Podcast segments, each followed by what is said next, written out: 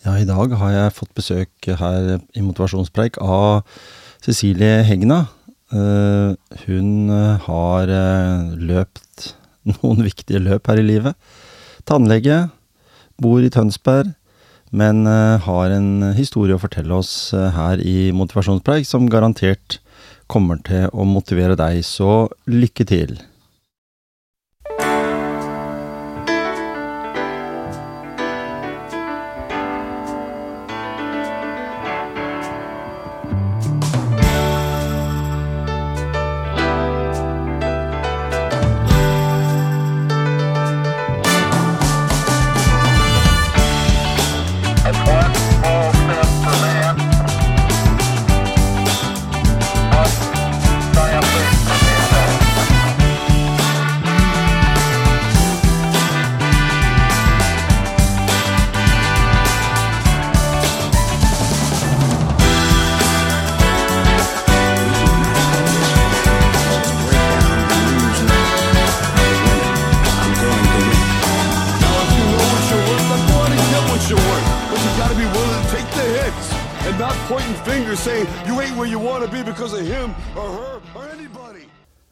Cecilie Hegna, du har kommet til motivasjonspreiket da, du. Hei. En, uh, en tidlig formiddag.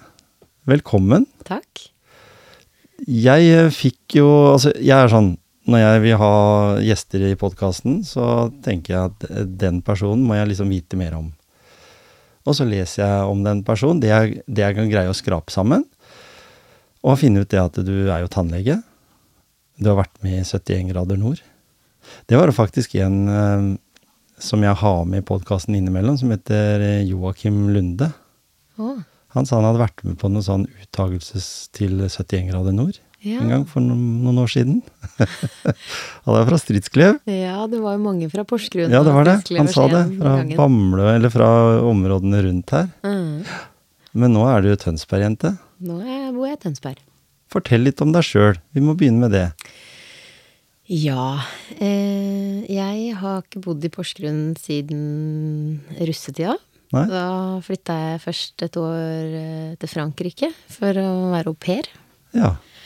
Og det var ja, bare for å finne ut av egentlig hvem, hvem jeg er.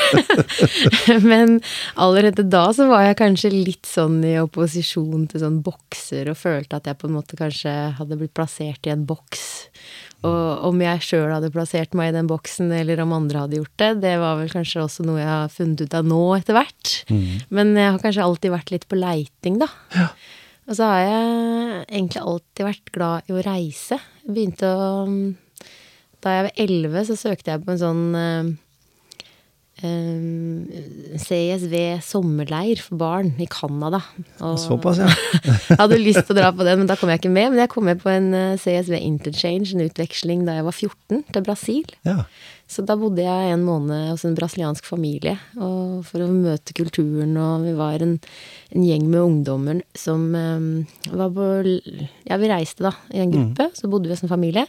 Og allerede da så skjønte jeg at det var mye jeg ikke forsto av verden. Da var det mange som snakka om politikk og utvikling og og så var jeg sånn Jeg har alltid tenkt at det er mye jeg ikke skjønner. Mm. Og så har jeg gått rundt og fundert mye. Og så har jeg alltid prøvd å passe inn og se hva er det som gjør at jeg er vellykka.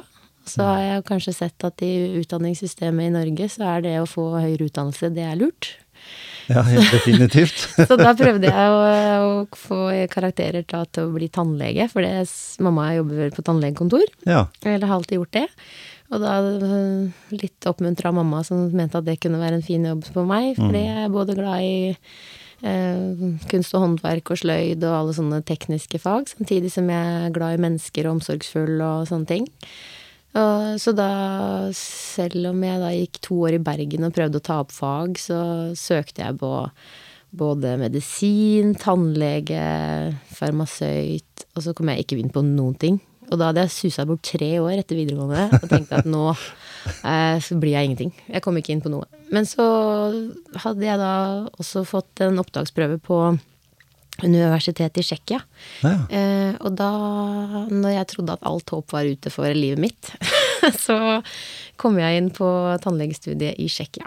Ikke sant? Og etter det, da hadde jeg strøket og susa mye i Bergen og sett at eh, nå uh, ser jeg alternativer. Hvis jeg ikke fokuserer litt på det jeg skal gjøre, så er det lett at det bare ikke blir til noen ting. Mm. Så da hadde jeg lært at uh, nå har jeg fått én sjanse, og den må jeg ta vare på. Så jobba jeg skikkelig hardt. For, og da var jeg også på et sted der jeg visste at jeg ville være. Og jeg mm. elska å gå på skole. Jeg syntes det var kjempegøy. Masse spennende. Jeg elsker det å lære om kroppen og og fysiologi og alt sånn som jeg egentlig også har vært veldig nysgjerrig på. Det var veldig mye det, det studiet jeg likte veldig godt, samtidig som det tekniske. Det å forme tenner og var veldig sånn Tegne tenner og det å Nei, nei ha en forståelse. Jeg endelig følte at jeg liksom var ordentlig flink, da.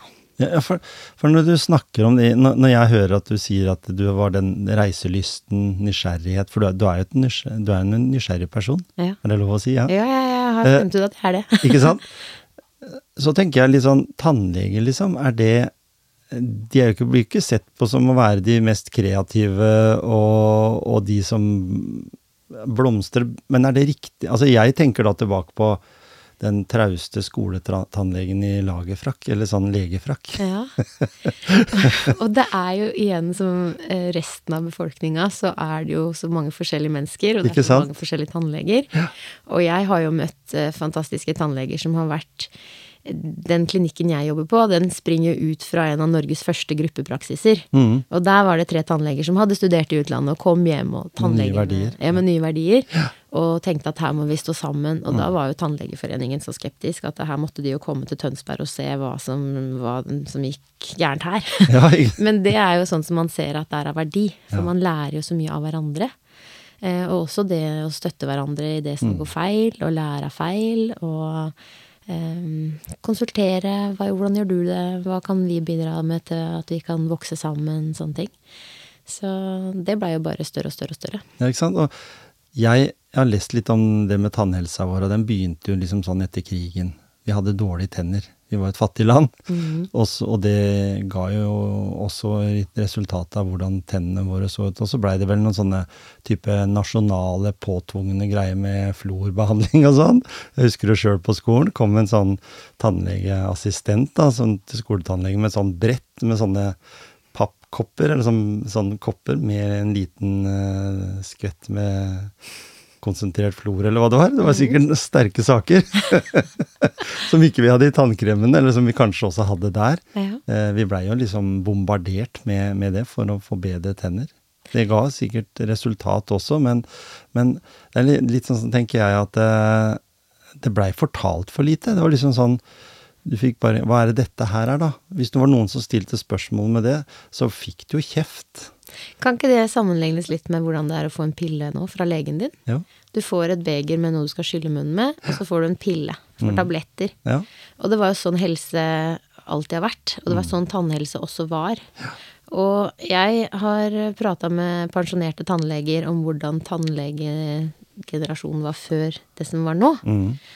Og han stilte jo spørsmålstegn når han da jobba og de skulle bare trekke tenner for ting var ødelagt. Mm. Men kan vi ikke prøve å pusse tennene her for å kanskje bevare noe?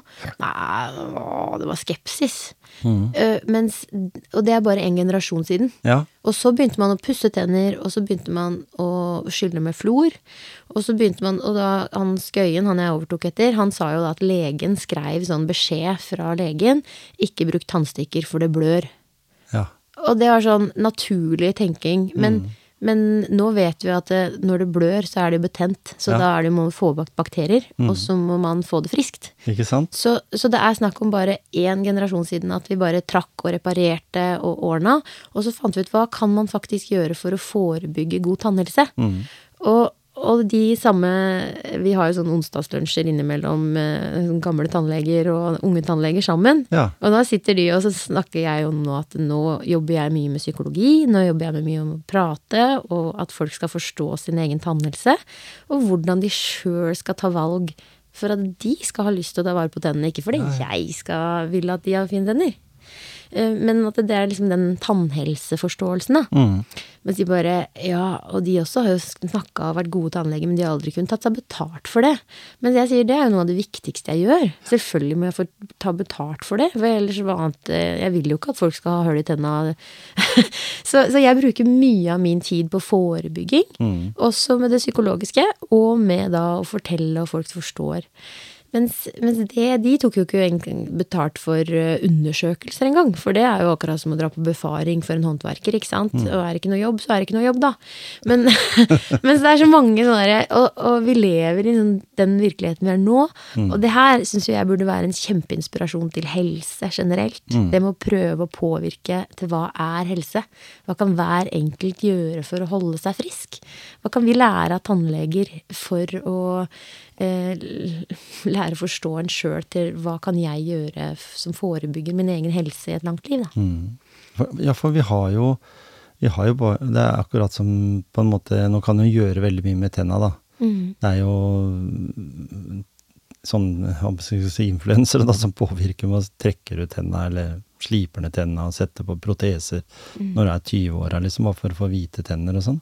Så vet vi vel kanskje alle at eh, hvite tenner kan vi jo på en måte få gjennom å ha en god tannhelse fra vi får de tenna vi har, da. Men allikevel, når vi snakker om uh, tenna våre, så vet jeg at mange politikere har veldig lyst til at tennene skal bli en del av kroppen. Det er jo ikke sånn nå, rent sånn økonomisk i hvert fall. Det, det viser seg jo at mange slutter å gå til tannlegen når de slutter på videregående. For da må man begynne å betale hele regninga sjøl. Mm. Det er veldig synd. At det blir sånn at du på en måte utsetter, fordi når vi vet den maten vi spiser i dag Vi snakka litt om det før vi trykket på rekk-knappen her, at med ultraprosessert mat og hva vi på en måte spiser i farta, at det er mat som på en måte er eh, egentlig ikke bra for oss. Eh, Ikke bare for tenna, men også det for tenna. Em, men det med at tennene er en del av kroppen, eh, hvem det er viktig for, det er i hvert fall viktig for folk. Ja, og det er viktig for politikere i valg. Mm. Men hver gang det er en valgkampsak, mm. så blir det jo ikke gjort noe. Det var en det. valgkampsak nå, men i det nye statsbudsjettet så blei jo det feltet jeg er veldig opptatt av, det med mm, psykisk syke og de som har fått støtte gjennom TOO-teamet, da. Mm. Tortur, overgrep og odontofobi. De har fått mindre midler mm. etter det statsbudsjettet som er nå. Og mindre til uh, kiropraktorer og forebyggende helsearbeid generelt. Så da er jo det Hva var det verdt, da? Det Mm. de sa. Så eh, det provoserer. Det jeg tenker igjen at vi må bare jobbe for, og er å vise at tenner er en del av kroppen. Mm. Og, og hvorfor det er en, viktig at det er en del av kroppen. Mm. Og sånn som jeg ser at det mest er en del av kroppen, er at det handler om syke. Og du ser at de som faller utenfor helsevesenet, det er jo de som har dårligst tenner også. Ja? Folk flest har god tannhelse. Det er ingen som har så bra tannhelse som Norge, nesten. Nei. Mens de som ikke har det, de har så utrolig store problemer ofte. Mm. Og det er gjerne på grunn av et eller annet psykisk underliggende årsak. Og der jeg mener at det, det er det som vi viser at burde da virkelig bli tatt på alvor. Det er det Mm. psykiske helsefeltet som sliter med tenna, som jeg brenner så innmari for. Ja, for du er nesten mer opptatt av det enn av selve tannhelsa, på en måte. Eller det som en del av det. Altså at en må inn og forebygge. Selv om det, selv om det i, i samfunnet i dag er en ikke-betalt greie, så er det liksom sånn med de to elementene lidenskap og entusiasme, som jeg pleier å si. Eh, og har du nok av det, så bidrar du der, men allikevel så burde det vært spytta penger inn i den delen for å på en måte kanskje beholde, som du sier, eh, selvfølelsen skal være god. Du skal være Nå skal vi jo presentere oss i sosiale medier da, med bilder og sånn, så er det mye filter du kan legge på for å få hvite tenner, liksom. Men allikevel, du er jo en person som er ekte, og som skal egentlig rusle der ute i verden og bli kjent med andre mennesker. Vi er jo en sånn type rase, hvis vi kan kalle oss det. Vi mennes menneskerasen er jo et sosialt vesen. Mm. Og, og det, det har jo på en måte Men så kan jeg jo si det, da, tenker jeg, da. eh, For jeg vet allerede med den praten vi rakk å få før vi, vi satte i gang her, at du er opptatt av eh, det helhetlige mennesket i forhold til hvordan vi lever, eh, og hvordan vi har tenkt å leve framover. Altså for, for å på en måte redde jordkloden, da, hvis vi skal tenke sånn, uten å bare liksom ha fokus på klima og miljø. For det er ganske mange andre ting. Jeg tror kanskje at en pandemi som vi hadde, Norges måte å løse pandemien på, blei vel litt sånn at det, det blei skapt flere sånne enstøinger som bor eh, der ingen skulle tro at noen kunne bo. Og så skal vi nå på en måte samle de sammen igjen. og så har vi gjennom sosiale medier og bruk av Teams og Zoom og hele pakka der liksom skapt en utrolig avstand mellom de som virkelig trenger hjelpa, og de som kan bidra med hjelp. Jeg tror vi kan lære så utrolig mye av den pandemien. Fordi mm. det som Eh, det er lett for meg å si da Jeg sa det høyt til de som var rundt meg, at jeg var veldig skeptisk til hva som blei gjort. Mm. Og jeg så at det skjedde pga. frykt som ble skapt i media. Så var det vanskelig for politikere å gjøre noe annet. De blei på en måte pressa av media til mm. å ta beslutninger som var egentlig mot Eh, sånn som jeg forstår helse, og som vi også ser nå ikke var så bra. Jeg var mer bekymra for psykisk helse og at folk tar livet sitt og havner i psykisk uføre, mm. enn de koronadødsfallene som kom av en gruppe som egentlig kanskje ikke hadde så lenge å leve igjen allikevel. Om det var kynisk, jeg ble sett på som kynisk da jeg ja, ja. prøvde å uttrykke min mening. Ja. Og i den perioden også, bare det å uttrykke sin mening, mm. det var så provoserende for folk, og det skapte så utrolig polarisering. Det var ikke lov til å si meninga si den perioden Nei. der. Og det syns jeg var veldig skummelt, og det var det som føltes veldig ufritt mm. i verdens frieste land. Mm. Her har vi demokrati, men du blir faktisk kasta ut uh, av vennegjenger. Det blei i uh, en sånn jenteklubb jeg er med i, og når det blei snakk om vaksinasjon, så var det mm. folk som meldte seg ut fordi de følte seg diskriminert fordi de valgte å ikke vaksinere seg. Så det var en sånn ny. Ny skummel greie som jeg Litt sånn som det var under krigen. Mm, Enten så holdt du med Tyskland, ja. eller så holdt du med England eller USA. Ja, jeg, jeg altså, sammenligna altså, det veldig med ja. det. Og, ja, ja, det er kjempeskummelt. Jeg, jeg ble, Og det var jo det som liksom fyra opp under min mm. lyst til å mm. lage Eller starte liksom Jeg måtte finne ut av hva, hva det må Ja. Men du, du har litt med den der valgfriheten, tenker jeg da, fordi som, som alle vet, så jobber jeg i helsevesenet sjøl, og de, det jeg på en måte tenker at grunnen til at jeg tar vaksiner, det er for at jeg ønsker å skåne pasientene jeg jobber med. Sånn det er en mindre trussel eh, enn det jeg ville vært hvis jeg ikke gjorde det, da. Så sånn er min tankesett under det. Men så er jeg allikevel litt sånn skeptisk til å proppe kroppen full av medikamenter som en har gjort helt fra jeg blei født, egentlig. For vi har jo liksom hatt alle vaksiner og alt med seg oppover. Eh, og så vet, aner jo ikke jeg som person om det har gjort meg til et bedre menneske med bedre helse enn en person som ikke tok noe av det. Så, så den, den, diskusjonen kunne vi sikkert ha tatt, tatt, fordi du også er jo i en sånn situasjon der du står og jobber med tennene, og du har et munnbind. og vi fikk jo beskjed om at munnbind i seg sjøl var jo ikke godt nok. Og vi behandler jo koronatilfeller som en sånn eh, pest enda på sykehuset, med full smerte Nei, smitte eh, Altså med frakker og med briller og med alt. Mm. Eh, det gjør vi jo med andre smittekilder også enn bare akkurat korona, men den er fortsatt veldig alvorlig med tanke på sammenligna med en vanlig influensa f.eks., som ikke blir tatt så alvorlig da. Men jeg tenker jo at det er fint at man er forsiktig og, og mm. viser respekt, men, men, det er liksom forskjellige grader av hvor uh, midlene skal legges, da. Jeg tenker jo at ja, selvfølgelig munnbind, hansker beskytter seg mot, mm. og jeg tenker jo at er man sunn og frisk, så det var det som ble liksom skremselspropaganda nå. For da, da, det er da du blir sykest ved korona. Jeg vet ikke hvor mange dødsfall, jeg skal ikke snakke for mye om korona. Men, Nei, det, eh, men, men, uansett så er jeg veldig opptatt av helse i riktig ende. Mm. Hvor skal vi putte midlene? Og jeg tror veldig mye på forebyggende helse, fordi vi ser at det fungerer så godt i tannhelse. Mm. Og jeg ser også sånn med psykologi og egen vilje og egen forståelse av egen tannhelse gjør at man vil ha friske tenner. Mm. Og jeg ser de pasientene, når du sier sier det der med at vi går rundt og smiler med hvite tenner. En ting er de som går med, mm, med disse influensertennene sine, Ja. mens de som faktisk faller utenfor samfunnet fordi de føler at de ikke kan smile. De får sosial angst fordi de ikke har tenner å Mm. Smile med.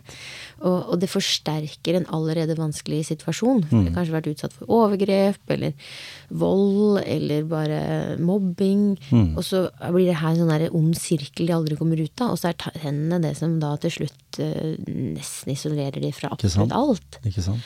Så, så det, det er der tenner er virkelig en del av kroppen. Og der, det, at ikke det skal få hjelp, det skjønner jeg ikke. Nei. Mm. Pandemi eller ikke pandemi, jeg har lyst til å vite litt mer om uh, Cecilie. Den delen av Cecilie som plutselig også kanskje Eller ikke plutselig, kanskje, men du, du har vært litt opptatt av trening og, og, og fysisk helse. Mm. Uh, du har gjort Du har tøyd noen strikk i forhold til det å prestere noe som kanskje er helt uh, sinnssykt langt utafor komfortsonen for de fleste. Ja, jeg har mm, Det starta vel kanskje da jeg var liten. Så var jeg alle Eller var veldig stort fokus på at jeg var tjukk. Mm. Eller jeg var ikke tjukk, jeg var kraftig. Jeg er bare kraftig. Men jeg fant ikke klær. Det var et veldig problem. Jeg var redd for at jeg skulle bli mobba fordi jeg var større enn de andre. Og så har det da vært noe som jeg har liksom tenkt at jeg må kompensere ved å være flink eller blid eller noen ting.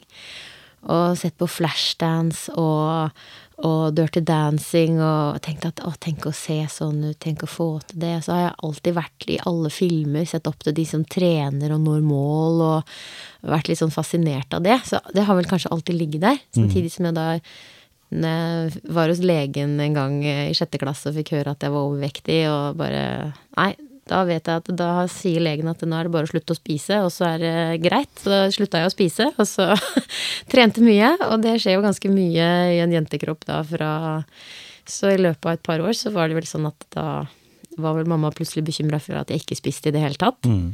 Og, og det er jo igjen når jeg er veldig opptatt av psykisk helse nå, og så ser hvordan kommunikasjonen kom fra legen, hvordan kommunikasjonen kom fra mamma og pappa, hvem sitt ansvar for denne spisinga som ble lagt over i mitt hode. Det er sånn og jeg har snakka med mamma mye om det, for det, har ikke vært lett for henne heller. Hun slanka seg, ikke sant. Det har vært fokus på slanking i forrige generasjon damer. Og, og hvordan det her blir en sånn utrolig vanskelig Og så mange, om det er overspisere, anorektikere, men det med kosthold og spiseforstyrrelser. Jeg tror at det, de, nesten ja, de aller fleste jentene som jeg har vært borti, i hvert fall over halvparten, har en, en eller annen viss grad av spiseforstyrrelser. Og jeg hadde jo det da til jeg blei sammen med Bjørn, mannen min. Eh, og da også hadde jeg trent litt sånn av og på, men jeg trente egentlig mest for å, å komme i form til helga, for å se bra ut på fest. Ja. og så da jeg møtte Bjørn, mannen min, og jeg spilte jo håndball på ja, litt ikke høyt nivå, men i hvert fall på Gjerpen og vi og Herøya en gang da vi skulle liksom komme opp i første divisjon og spilte en del Ja, for du har spilt med noen av de mer kjente profilene, du. Ja, jeg, spiste, eller, jeg, var jo på lag med Anja Hammerseng Ja, og Stine og Ane. Det var mange gode Så jeg hoppa på da jeg var 18, så slutta jeg med håndball. Så da var det mer sånn treningsstudio og sånt. Så jeg har alltid likt å trene. Og jeg har nok eh, men, eh, men da jeg ble sammen med Bjørn, mannen min, så var det liksom, lærte litt mer av det der med helhetlig helse. Det var, hva gjør maten for deg, egentlig? Hvis jeg syntes jeg var sunn fordi jeg spiste salat, bare så kom Bjørn Ja, hvor er proteinene her? Og, og det med å Skal du trene, så må du ha i næring, og så plutselig så blei maten et eh, del av liksom middelet for å nå et mål, da. Mm. Eh, Så plutselig så handla det ikke om å bli tynn, eller det handla om at mat var mer bensin. Og det er der jeg igjen har sett at mat er faktisk helse, og ikke et problem. Mm. Mat er der fordi vi trenger det. Ja. Mens i min oppvekst så har mat vært veldig problemat eller er problematisk. ja, ikke sant? Så, så der er jeg også tenker at, og sånn som jeg syns Helsekost Furuset hadde en kjempefint program, Mm. med hvor, hvor eh, snedig denne psyken er det viktigste i hele overvektsproblematikken.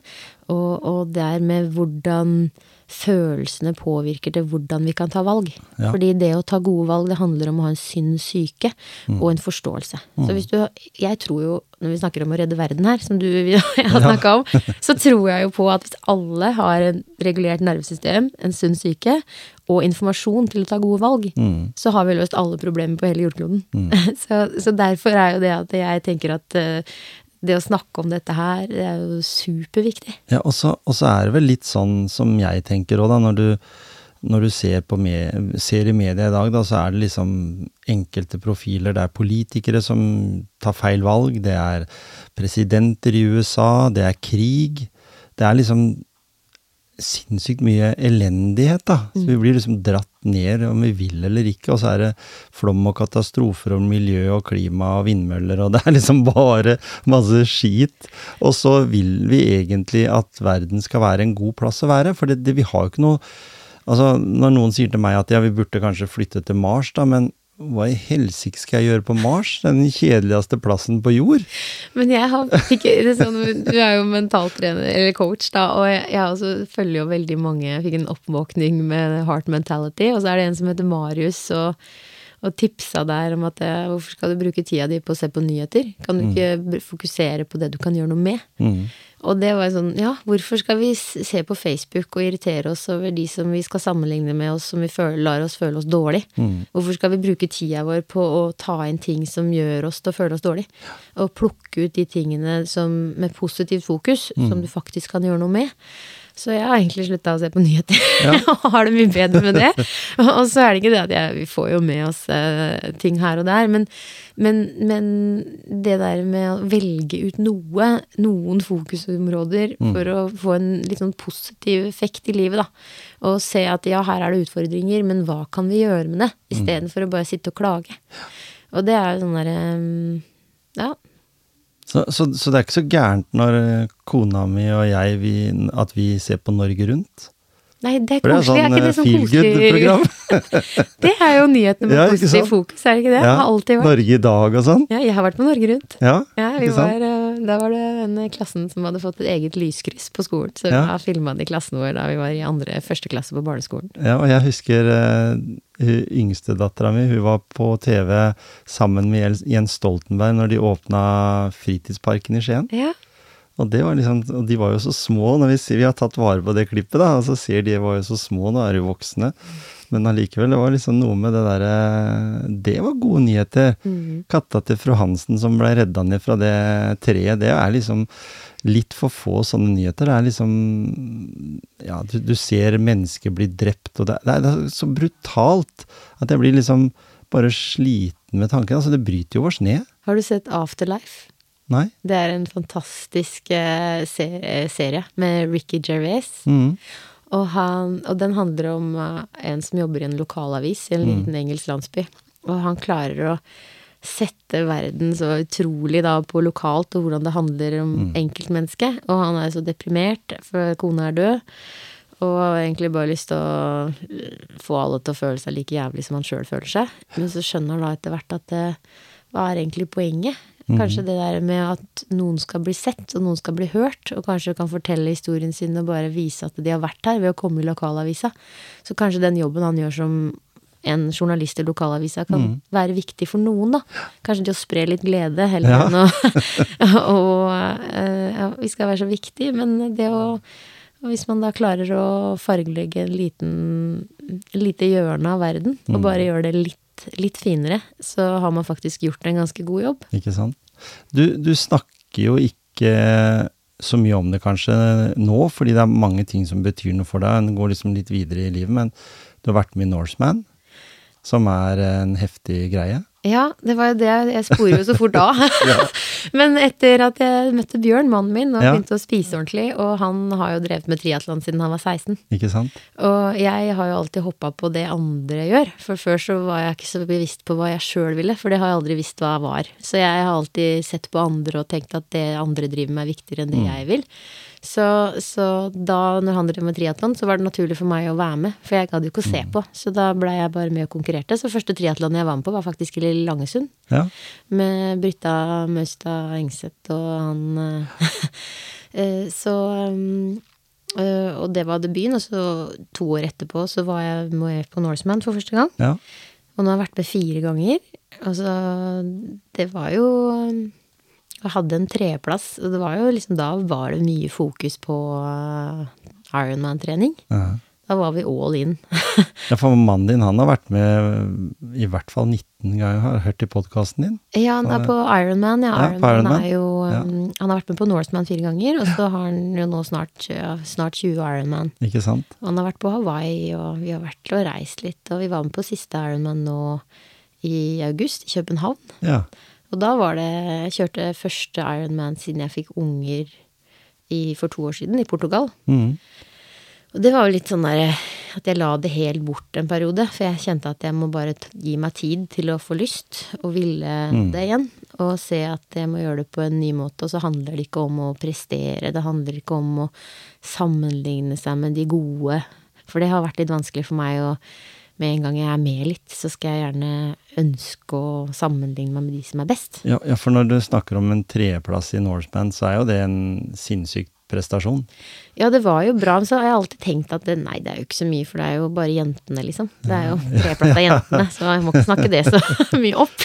Men, jo, men allikevel, vi snakker jo om du svømmer like langt, Ja, ja. sykler like langt og løper like langt. Ja, ja. Og, Og, de gutta som har lagd den traseen der, jeg har jo jobbet, kjenner, vet jo hvem, godt hvem Hårek er. ja. Eh, Jobba litt med han tidligere på Klosterøya, men, men i hvert fall eh, som Altså, det skulle være det mest ekstreme. Og det er jo sånn i, i dette her med Når vi snakker om Ironman, så er jo alle de som kan komme så tett opp under Norseman, egentlig. Eh, men det går jo ikke, fordi det er jo det terrenget som blir brukt, som er det ekstreme. og det er jo ekstremt, men eh, jeg tenker jo for meg så er jo det Det er jo en tur, og det er jo ekstremt å gjøre det i den farta, kanskje, eller mens hvis man ser på livet generelt, da, og jeg som har igjen går alltid tilbake til eh, de som sliter, så er jo det å faktisk stå opp hver dag kanskje en like stor Mm. eh, utfordring. Så jeg prøver jo å bruke det Man skal ikke sammenligne seg med meg, fordi jeg har alltid vært interessert i helse. Mm. Jeg har alltid likt å trene. Jeg har en fysikk. Jeg er genetisk anlagt til å bygge muskler, tåle lange løp. Kanskje ikke den kjappeste, men liksom sånn Jeg er bygd for å holde på lenge, da. Mm. Det er Kroppen min er laga for dette her. Og så har jeg også, selv om jeg har slitt med mine greier, en veldig trygg og god oppvekst. Ja, ikke sant. Jeg har en utrolig fin familie. Jeg har eh, hatt veldig, veldig gode venner. Jeg har hatt mye Og selv om alle har sine sånn ting som ikke er perfekt, for det er jo ingen som har det perfekt, så har jeg et veldig godt utgangspunkt til å gjøre akkurat hva jeg vil her i livet. Og da kan jeg gjøre hva jeg vil, jeg. Jeg kan gjøre en Ironman, jeg kan eh, Og nå som jeg ikke lenger har et problemfokus som jeg hadde før, der jeg bekymra meg for veldig mye, for det er det mentaltreninga har gjort for meg, Ja. så igjen så ser jeg at det, det er bare hva jeg bestemmer meg for som jeg kan gjøre, og så gjør man det bare. Så jeg ser ikke på Ironman som sånn innmari ekstremt, egentlig, for jeg vet hva mennesker kan få til hvis de bare tror på det sjøl. Ja, så da, da tar dere altså en familietur, dere da til en type Ironman-arrangement. Og så puster inn den atmosfæren som er der, med mange godt trente mennesker, som på en måte er litt i den samme Altså, de har Jeg vet jo det, for jeg har hatt flere som driver med, eller har og, og driver med triatlon med i podkasten her, og, og det er jo en slags eh, medisin. Helse- Drive med det, det er en helseeffekt. Ikke bare det at det, Og det er som du sier, det å komme seg opp av sofaen, det å gå ut og hente avisa, sånne små ting som kan være eh, maratoner eller Ironman for veldig mange, eh, er jo at det, det er jo ikke det en. En, altså, du ønsker jo å jobbe mye med forebyggende helse, uh, det mentale i oss som mennesker. Og det er jo ikke der vi vil. Altså, jeg vet at du, hvis du, når du var på topp da, på, på Norseman og sånn, og det ryktet kom ut i vennegjengen, så var det kanskje sånn at eh, ja, men jeg kan jo ikke løpe med deg, du er jo gæren. Du, jo, og jeg, det har jo min, min gode venn Gisle Johnsen også sagt til meg, altså at han kunne jo ikke ut og løpe med de, for de trodde jo han var psycho. Ja. Men Og han det, kunne jo til og med faktisk bare gå Ja. Hvis det var det som var alternativet, for det spilte ikke noen rolle for han. Det var ikke der han la grunnlaget for å bli med i Ironman eller i andre ekstreme maratoner og sånne ting, da. Jeg er bare veldig glad i å trene. Og mm. som Ja, med mannen min også, opplever jeg at det er mange som er redd for å Nei, jeg er ikke så god som deg, så jeg kan ikke være med å løpe, eller Mens jeg har jo aldri tenkt over det, jeg har bare blitt med. Jeg er Mhm. liksom sånn som bare blir med på ting. Og så selv om jeg har opplevd å bli veldig sliten eller bli sykla fra, eller og syns at det har vært litt sånn vanskelig, men så er det utfordringer, da, og så står man i det, og så var det verste som kan skje at man blir sykla fra, da. Ja. Jeg sitter i Frankrike og punkterer og sitter der støkk. Ja, det har skjedd. Men så løser man det òg. Og så er det jo Ja, og det er eh, Jeg tror vi trenger utfordringer. Mm. Og, og det å da Jeg som har vært da privilegert og kanskje ikke hatt så store utfordringer i livet, tross alt, Mm. så er det å bli utsatt for litt utfordringer eh, veldig sunt. Ja. Og sånn som når vi snakker om hva man er interessert i. Jeg er jo interessert i helse, og det er jo Ironman, og det er masse mennesker, og det er jo en helsefestival. Mm. Så har ikke jeg vært sånn kjempeopptatt av musikk. Altså musikkfestivaler, jeg er opptatt av mennesker, så hvis jeg har dratt på musikkfestivaler, så er det for å bli kjent med mennesker og prate med folk. Og, så, så om det er da musikk og øl, eller om det er trening og energidrikk, eller Men det er menneskene som jeg interesserer meg mest for, da. Mm.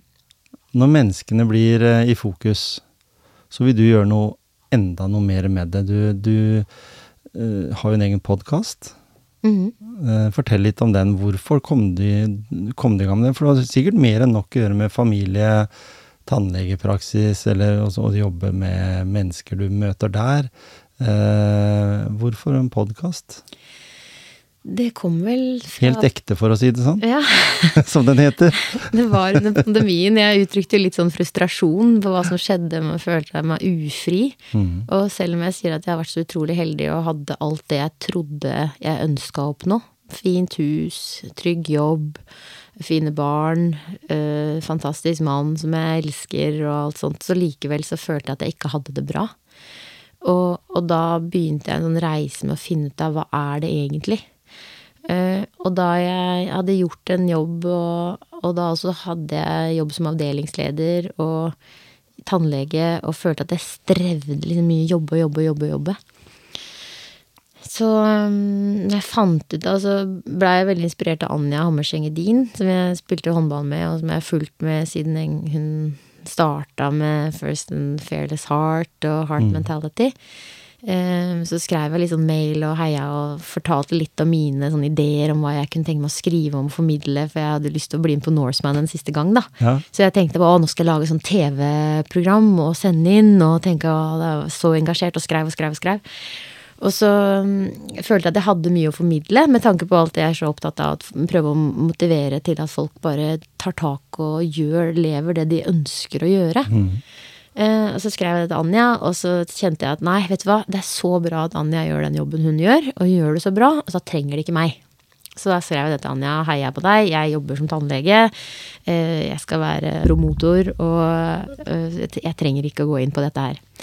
Og så tok det litt tid, og så skriver Anja så bare sånn Ja, jeg er litt sånn nysgjerrig på det du skrev, og er du sikker på at det er helt riktig å legge det til side? Og da kjente jeg på sånn Åh!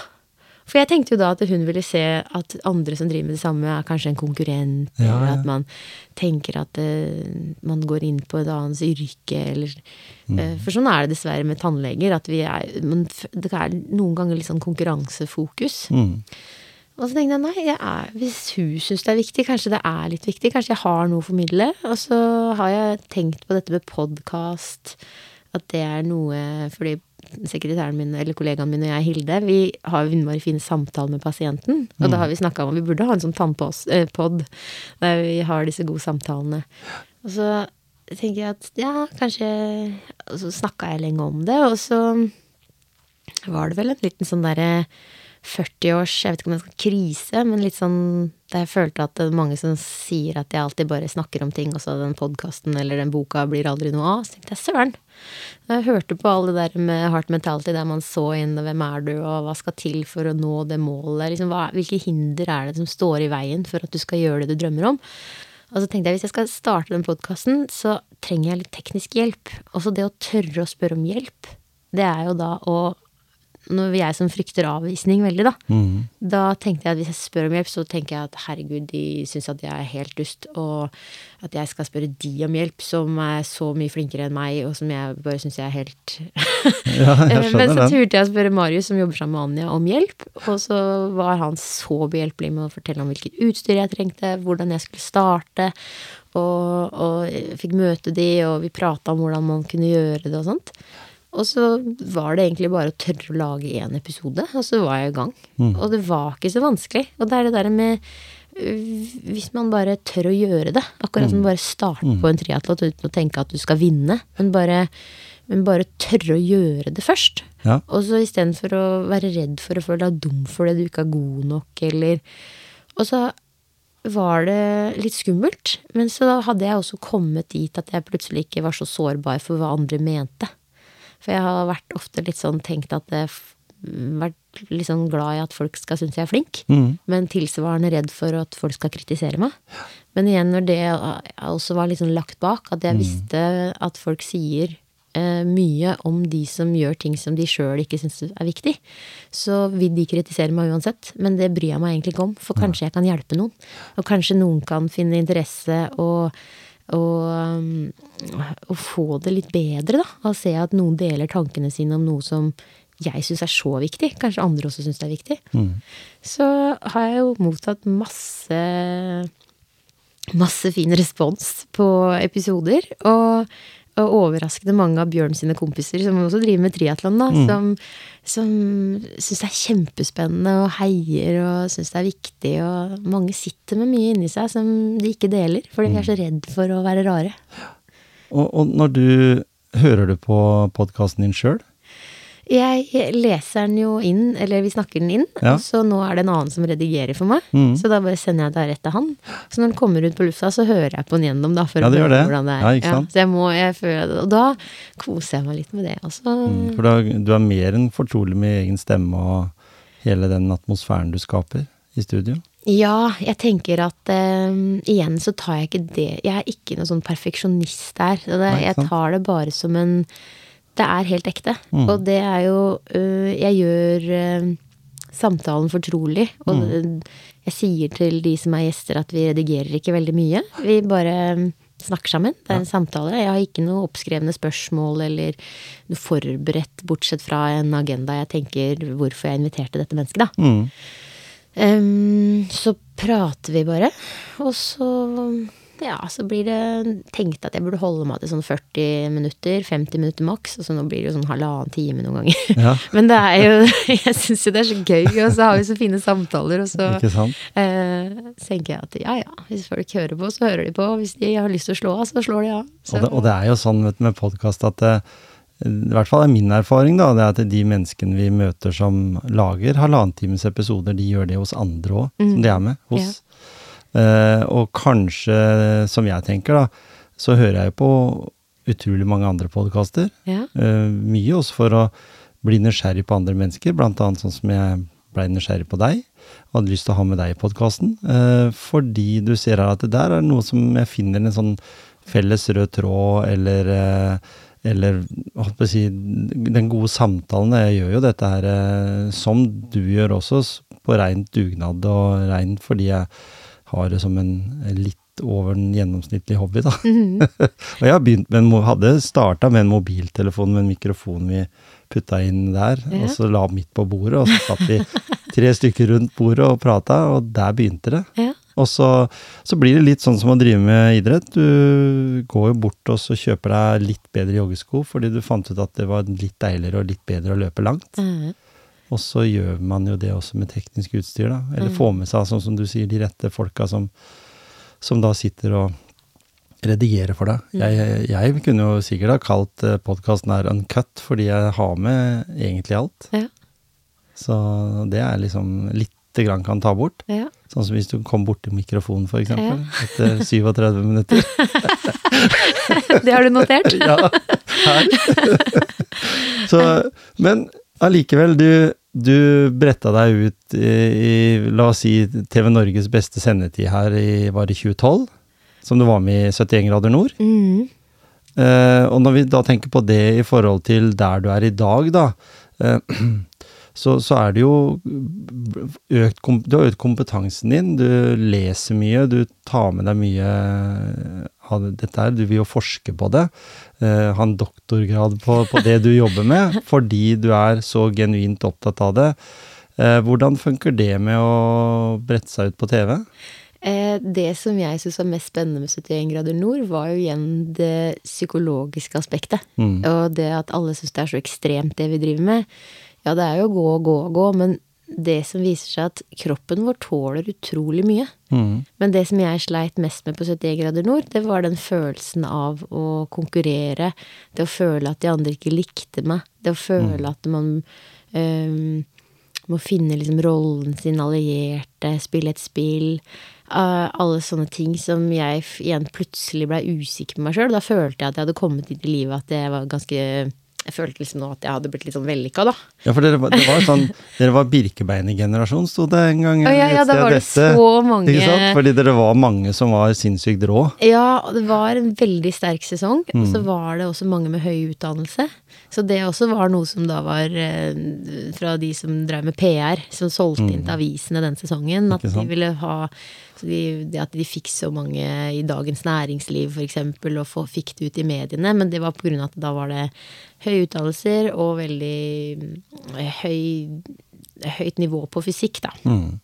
Så sånn sett så var det en ganske tøff sesong også. Så det, men det var jo en kjempegod læring for både det med hva vi tåler og hva huet gjør, og også det med at jeg hadde tenkt liksom det å være kjendis, eller det å bli kjent, det var jo litt sånn jeg vet ikke om jeg har hatt litt sånn fascinasjon. Jeg har sånn, kanskje jeg har litt sånn stort ego. Men, men da kjente jeg hvor, hvor selvopptatt man blir. At det ikke er bare positivt. Det Når man får mye positiv feedback, så blir man sånn at man sjekker telefonen sin på hvor mange likes et innlegg er. Og så da kjente jeg at nei, vet du hva, det her tåler jeg faktisk ikke. Det er ikke bra for meg å være så selvopptatt på dette her. Så da, og da, i den perioden etter 71 grader nord, så gjorde jeg vel Norseman en gang til. Og så fikk jeg jo unger, og så blei jo alt liksom helt lagt ned, da. Men det var lett å tenke da at nei, nå begynner det. Nå kan jeg liksom bli eh, Ja, for da kunne du kjørt den prosessen videre, Ja. for du kom jo ganske langt òg. Ja, da, da var jeg på femteplass, men jeg kunne jo brukt mer ut av det der og hatt en Se og Hør-reportasje om, om det at jeg var tjukk som liten, og det med å trene seg opp til Norseman, og det med mentaltrening den gangen. Jeg kunne. Men da var det mer viktig for meg å virke profesjonell og sterk. Så Ja. jeg i, i den 71 grader nord-sesongen på TV så ser jeg veldig, veldig sterk ut. Jeg gråter ikke en eneste gang. Jeg er alltid blid, snakker opp og veldig sånn kontrollert i alt jeg gjør. Mens mm, noen av de turene som jeg var skikkelig langt nede og gråt hele veien, det fikk ikke kamerateamet med seg. Så de klarte ikke å fortelle den historien. Nei. Fordi det var noe som jeg tenkte var en svakhet, som ikke jeg ville at skulle ut på TV. Sånn, ja. Sånn at det var da jeg, da var jeg veldig opptatt av omdømmebygning eh, som en sterk fagperson, en tannlege, som man skulle finne troverdig. Og det er sånn som jeg ser verden er bygd opp. For det er sånn vi er. Vi vil ha en, en som er kontrollert, en som har, er på toppen og er best. Vi vil ha den kirurgen som er kaldest, som gjør sånne ting. Men vi vil ikke ha følelsespersoner, for følelser, det er negativt. Så det er liksom sånn som jeg har blitt veldig fokusert på nå, som gjør at um, litt av samfunnet vårt er litt sykt. Så jeg er veldig pro det å snakke om følelser, pro det å se det som en styrke, pro det å knytte mennesker sammen ved å dele hvem vi egentlig er. Og jeg tror det er det som også treffer da, i den podkasten, at eh, vi er eh, mennesker, medmennesker. Om jeg snakker med en tidligere rusmisbruker, en som har falt utenfor samfunnet fordi han har ADHD, og vi har blitt veldig gode venner, og det er han som hjelper meg med podkasten. Ja. Eller om jeg snakker med en lege som nå er influenser, og så er vi mennesker uansett. Vi er ikke noe bedre eller dårligere, men vi har de samme tingene som binder oss sammen. Og vi er bare nysgjerrige på hvordan vi kan fungere bedre som mennesker. Så, så det Så da ser jeg for meg at du får eh, Anders Haukeland i podkasten din om ikke så lenge. Det er jo nesten i nabolaget ditt. Ja, nei, jeg vet ja, Anders Haukeland han, har jo, jeg vet at veldig mange er opptatt av de. Jeg har ikke møtt den, og jeg kjenner han ikke. Men de gjør jo utrolig store ting, da. Ja, han er jo en eh, Ja. fyr, sånn Ja. bare sånn å prate med òg, liksom. Ja. veldig åpen. Ja, det men tenke du blir liksom, det er som du sier, han er jo litt sånn som du var i 71 grader nord, sånn utad, fordi det, du må ha en tøff profil. Ja. Men, men jeg tenker sånn 2012, Ja. eh, og nå er vi da 11 år Ja. etter, har verden forandra seg litt. Jeg tenker på når vi ser de programmene som er aller mest populært. Jeg hadde en i stolen der for forrige uke som heter Mayo, eh, som var med i 70, Nei, ikke 71 grader nord. Han kan godt hende han skal være med der en gang i framtida, men han var med i Kompani Lauritzen. ja. Og han gråt på TV. Mm. Han er heller ikke redd for å gjøre det. En voksen mann med fire ganger større biceps enn meg. Eh, Fordi han digger kropp og, og, og sånn, mm. for egen del òg. Men, men allikevel så gråter han på TV fordi han har høydeskrekk, han har uh, slitt i livet sitt, han har hatt diagnosen ADHD og slitt veldig opp igjennom. Og så får man vel veldig mange spark bak i rumpa da, over at nå må du skjerpe deg, nå må du ta deg sammen, hele denne greia her. Mm. Eh, og så gjør du det dårlig på skolen. Så gjør du det dårlig i vennegjengen, og for å være tøff så skal du banke noen. Eh, og du skal gjøre sånne ting, og du skal komme inn i et miljø der du tester ut rus. Altså det er alle de feila man gjør, da. Mhm. Og så kommer man ut i andre enden eh, mye rikere på kunnskap om hva som er feil, og hva som er riktig. Det er ikke alle som greier å velge den veien. Men akkurat der du er, der har du lyst til å jobbe. Mm. Akkurat der du kommer i den sårbare fasen, eh, kanskje litt før òg, liksom for ikke å komme i det. Men, men vi er jo kloke mennesker. Veldig mange er det. Men vi har bare ikke de rette elementene, kanskje. Vi, vi kjøper en sånn selvhjelpsbok, og så leser vi den, og så sier vi at ja, Øystein Petters, han mener det her. Mm. Og så mener Erik Bertrand Larsen noe annet, og så har vi en tredje, og så en fjerde mm. eh, og femte. Men i utgangspunktet, hvis man leser mellom linjene, da, så er det jo det samme budskapet er som vi snakker om her. Og det er det samme hvis du ser på Nelson Mandela og hans uttalelser Mm. hvordan han skulle endre verden den gangen, og fikk til veldig mye. Ja. Så er det de samme linjene som går igjen. Mm. Det er det at hvis du det, er- Alt er umulig før du faktisk har utført det. ja. Eh, hvis ikke noen har gjort det før, så trodde man at det var umulig, men da, det er jo mulig. Mm, ikke Og sant? det må man faktisk bare bevise ved å gjøre det. Og det er liksom sånne ting, og hvis man også ser langt tilbake med hva indianerne har sagt, og hva guruer i India har sagt, det er jo det samme som går Hvis man går på Jeg er veldig opptatt av religion, og ser på eh, mye fint i de forskjellige religionene, og samtidig som jeg ser på alle de som Sånn som du snakker om alle disse mentaltrenerne, og hva som er likhetstrekkene. Mm. Og det ser jeg også hva er likhetstrekkene i religion. Og det er jo å tro på det gode i mennesket. Mm. Og spesielt i sikhismen så er det jo det der alle disse Det med styrke og, og, og, og det med godhet og Det er så mye sånn som egentlig bare er mentaltrening. Mm. Eh, Så, så det er jo ikke noe nytt vi har funnet på nå, men vi har funnet kanskje litt tilbake til hva det som egentlig betyr noe, hva det som egentlig skal gjøre oss friske. Fordi um, det er mye i samfunnet som er sykt, og så må vi bare finne ut av hva som gjør oss friske. Mm. Og det er tankesettet vårt som kanskje bare hjelper oss dit, da. Og når du snakker om en sårbar gruppe, så er det jo de som kommer til meg med tannlegeskrekk. Det er jo ofte også en ganske bredt spekter av dårlige opplevelser og vond oppvekst og mye følelser. Sånn som du nevnte han som satt her og gråt og har klart å mestre det ved å få store muskler. Ja. Men, men jeg tenker jo at eh, en, hvis man går tilbake på hjerneforskning, og jeg har lest en bok som heter 'Hjernen er stjernen', Mm. og der snakker man om hva er det i hjernen som er forskjellig fra de personene som har mye følelser og er dopamindrevne, da, i større grad enn kanskje andre. Og, og da er det jo det der med hva, hvilken rus mat gir. Trening, alkohol og narkotika. Det trigger det samme senteret i hjernen.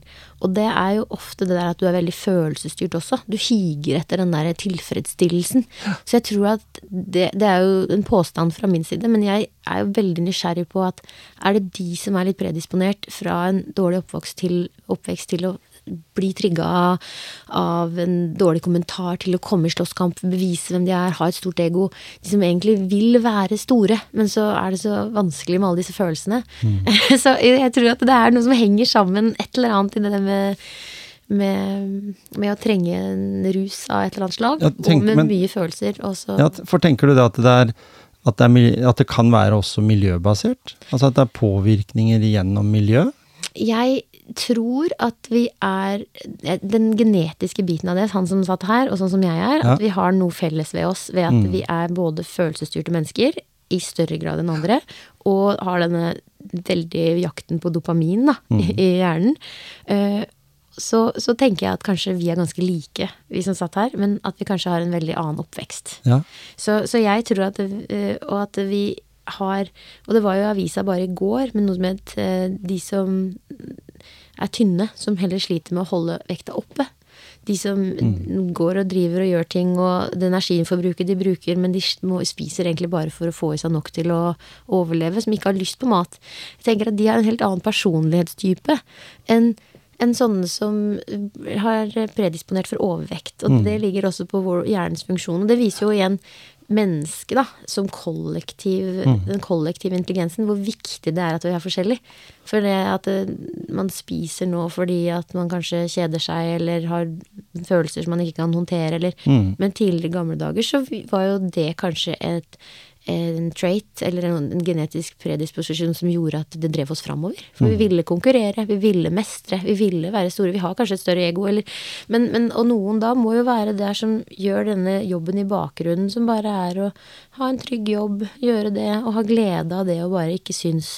Så det at vi spiller på hverandres forskjeller, tror jeg er mye, mye viktigere enn vi egentlig ser i dag, da. Og, og i dag så har vi kommet så langt sånn teknologisk sett at vi kan begynne å tyde hjernen vår. Eh, og det veldig all- forskning viser jo det at hjernen vår er jo mer eller mindre uforandra de siste 10 000-15 000 åra, liksom. Sånn, selv om verden har blitt annerledes, så henter vi jo opp type angst.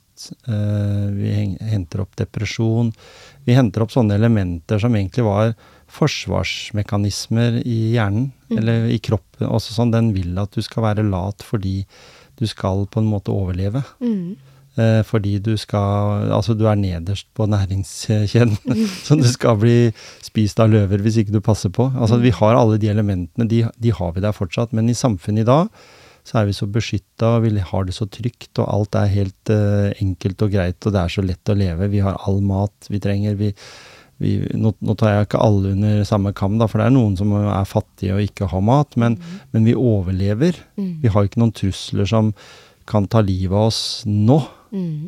Vi har ikke noe, sitter ikke her i studio og har en frykt om at det kan komme en løve eller en grizzlybjørn opp trappa der for å, ta, for å komme inn her og spise oss opp. ikke sant? Så, så er den mekanismen der vanskelig å lese for oss mennesker, fordi nå er jo jeg, må jo jeg være syk, da, for nå er jeg jo engstelig og redd og, og bekymra, og jeg har alle de tinga som jeg leser om i, på førstesida i VG, at uh, her er de fem tegna til at du er mentalt syk. Ja. At du er psykisk syk, og så leser du det, og så ser du du har alle Mm. elementene. Ja, men- da er vi jo alle der i den bok, bo. Og jeg har jo sagt før på podkasten at ja, jeg lærte meg Jeg var ikke den største gutten i klassen, jeg var den minste. Jeg var en liten pjokk når jeg begynte på barneskolen. Men jeg fant ut fort at hvis jeg ikke skulle få juling, for det var mye mer fysisk mobbing enn det var psykisk mobbing på 70-tallet, Ja. så fant jeg ut at ja, kanskje det vil si jeg løper. Ja. Og nå blir sikkert mange av lytterne som hører på episoden lei av å høre at jeg sier at det var min forse, forse. men jeg må jo si det igjen, da, at tiden var inne på det med trening og å være aktiv og sånn, så var det en av de tinga jeg Jeg gikk ikke inn i det og fikk bank, eller blei slått, eller skulle slå tilbake. Jeg fant ut at min evne var at jeg kunne løpe raskere enn de gutta som var to og tre og fire år eldre enn meg. Og det var en god forsvarsgreie for meg, for da når vi lekte ja, cowboy-indianer, som det het, hvis det er lov å si. I hvert fall, eh, Og da ble jeg alltid brukt som speider, husker jeg, for da kunne jeg løpe inn og ta et eller annet eller observere noe, og så løpe fort eh, ut igjen uten å bli tatt. Så, så, så det var min egenskap, og da føler jeg liksom når noen sier at ja, men du levde jo en Jeg bodde jo her i Gråten, som sånn, dette, rett lenger nede her, og det var jo Foreldra mine var ikke rike, de var industriarbeidere, og mora mi jobba deltid som vaskehjelp på skolen, og det var liksom det nivået der, så vi hadde ikke mye å rutte med. Vi var to brødre, og så kom det en eh, attpåklatt etter hvert, så vi blei tre gutter, ikke sant. Og i det miljøet der så var arbeiderklassen bodde helt greit. Vi sulta ikke, men det var ikke noe mer enn det.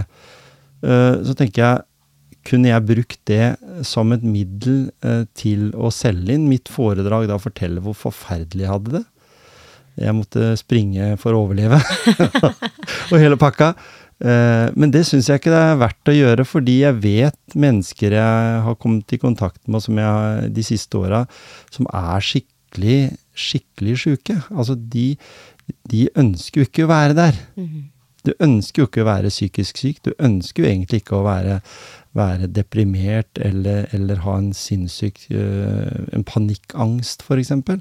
For det er en forferdelig påkjenning for kroppen. Mm. Så jeg har ikke lyst til å si det til noen, jeg, at jeg hadde det forferdelig. Jeg hadde det sinnssykt bra, jeg. Ja. Jeg vokste opp med en familie som visste at jeg fantes, og jeg blei sett i nabolaget av eh, kompiser og alt. I dag så er vel ikke verden helt sånn.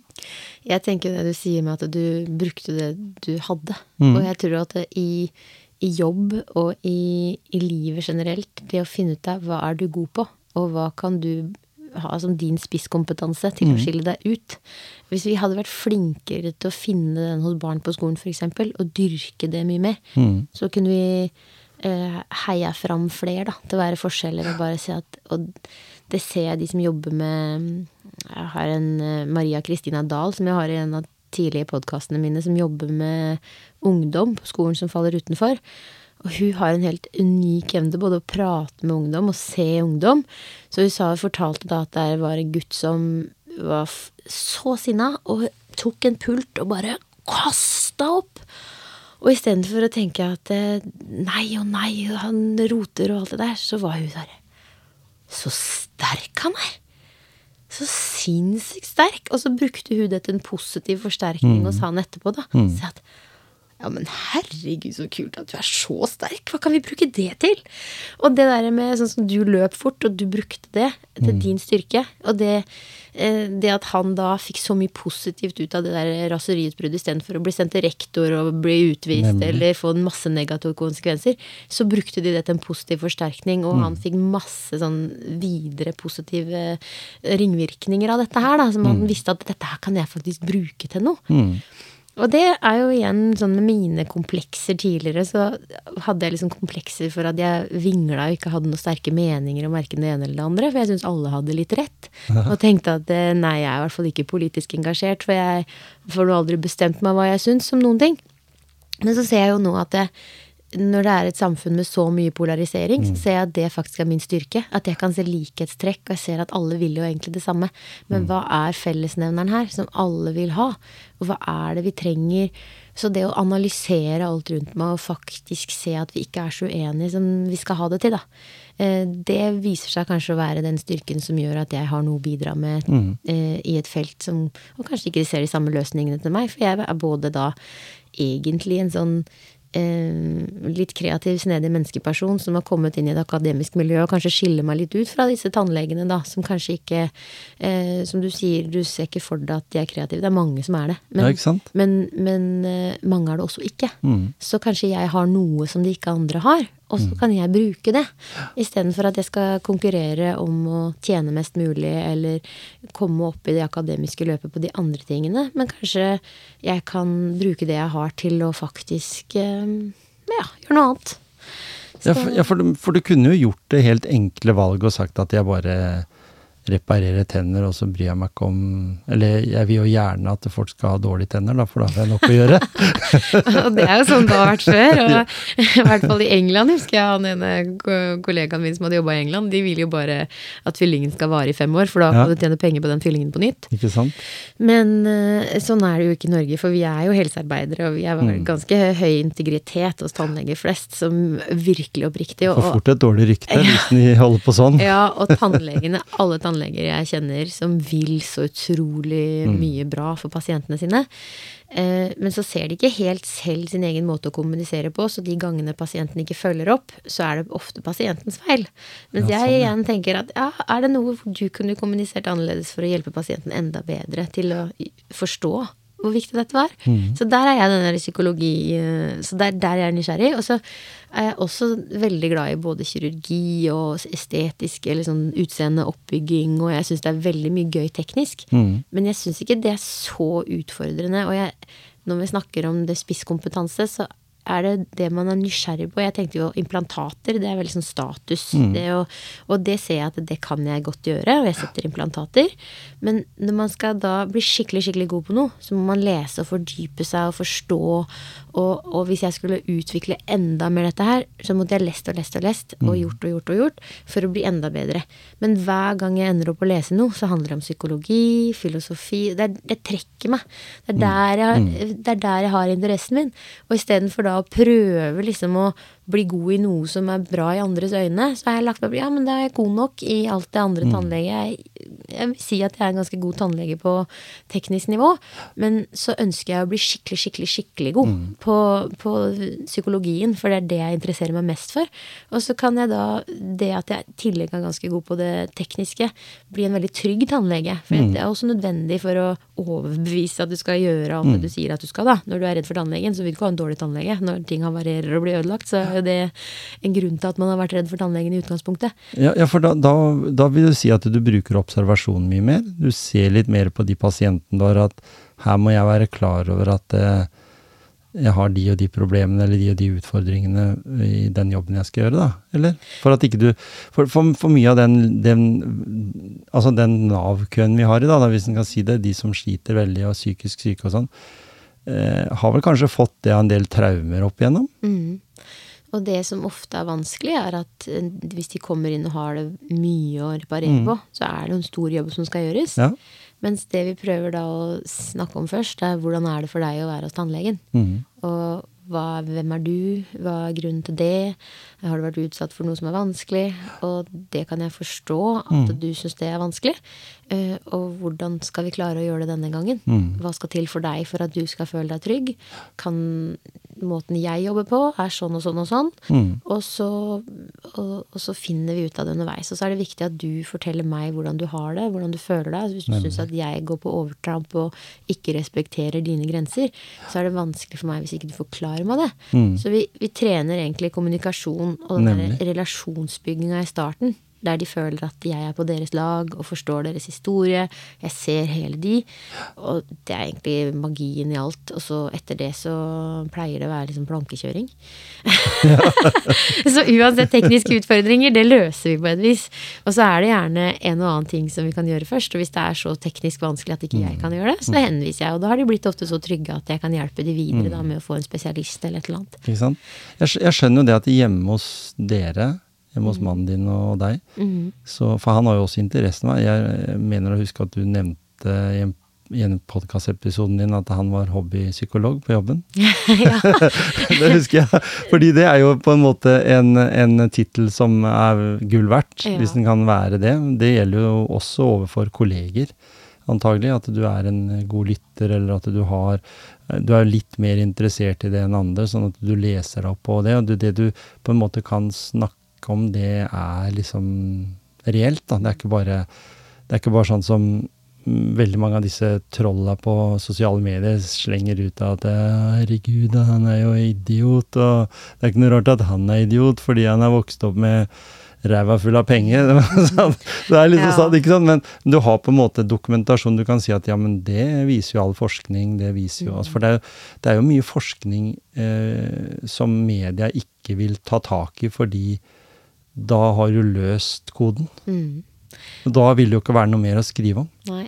Det er eh, Og det der med hvordan han er hobbypsykolog, og det med hvordan hans antakelser om folk før Mm. eh, Etter at jeg åpna opp om hvordan jeg tenker og føler, så er det sånn shit, hva foregår i huet ditt? Ja, ja. jo, men den gode har- samtalen, da. Den gode samtalen hos dere da. Ja, da har det vært sånn at det, da, da har han vært nysgjerrig på det, og så har vi hatt gode samtaler om det, og så har han faktisk lest bøker om følelser, han har hørt podkaster om filosofi. Han møter meg på de, det jeg er interessert i, og prøver å forstå meg, istedenfor å kritisere meg. Og det vi ser da at det som han er god på, sånn der det å dyrke planter hjemme og ha orden orden på hage og vaske klær og alle sånne tekniske, sånn enkle arbeidsoppgaver som han har enorm glede av. Jeg er surressehue hjemme, jeg, får jo ikke, jeg prøver å holde rundt på kjøkkenet. men, men, jeg da eh, liksom, har litt sånn større oversikt over ungene og hvordan de mm. føler seg og har det, og hva som skal til. Og så er jeg veldig opptatt av podkast og jobb og, og, og sånne ting. Men, men da har han en respekt for det jeg holder på med, og så mm. har jeg en respekt for det han gjør. Og så siden vi forstår hverandre veldig godt, så er vi jo et kjempegodt team. Mm. Og det er jo sånn verden burde fungere. Ikke sant? Fordi at vi er kjempeforskjellige. Og vi respekterer hverandre for de mm. forskjellene vi har. Ja. Og også er interessert i mye av det samme. Ja. Så har vi da en veldig, veldig fin base til å ha det bra, da. Men hvor gamle er barna deres? De er eh, åtte og ti. Åtte og ti, ikke sant. Mm. Eh, vil du si at eh, den kompetansen dere har liksom tilført dere sjøl gjennom podkaster, bøker og, og, andre dyktige folk, da, eh, har eh, styrka forhold. Dere har et annet forhold i dag, hvis en kan si så personlige ting som mm. akkurat om forhold, eh, fra dere traff hverandre til i dag. Selv med barn som da har også vært viktige elementer her. For det er jo litt det òg. De er jo i en alder nå som eh, bare vent, kan jeg si, da, når de kommer i tenåra, liksom. Ja. Uh, for den, den, den jeg, fokuset på barna, de, det har jo bare så vidt begynt. Mm. Kan jeg si, da, som har voksne barn. Og jeg tenker jo at da vi var yngre og vi drev mye med triatlon, og jeg følte litt på en måte at jeg var et litt offer i det at jeg, det var hans hobby, og jeg, jeg, delte jo ikke disse tankene jeg hadde inni meg, så tenkte jeg jo igjen at jeg savna de dype samtalene. Mm. Men jeg kunne jo ikke klage over det, for jeg bidrar jo ikke til noen dype samtaler. Jeg hadde jo ikke noe mer å si. Men jeg savna det likevel, da. Ja, ja. Og jeg følte at det å snakke om hjuldimensjoner og dekktrykk ja. og, og, alle disse tingene alle triatleter prater om, jeg blir jo helt sånn tall og sånne tekniske ting, det betyr ingenting for meg.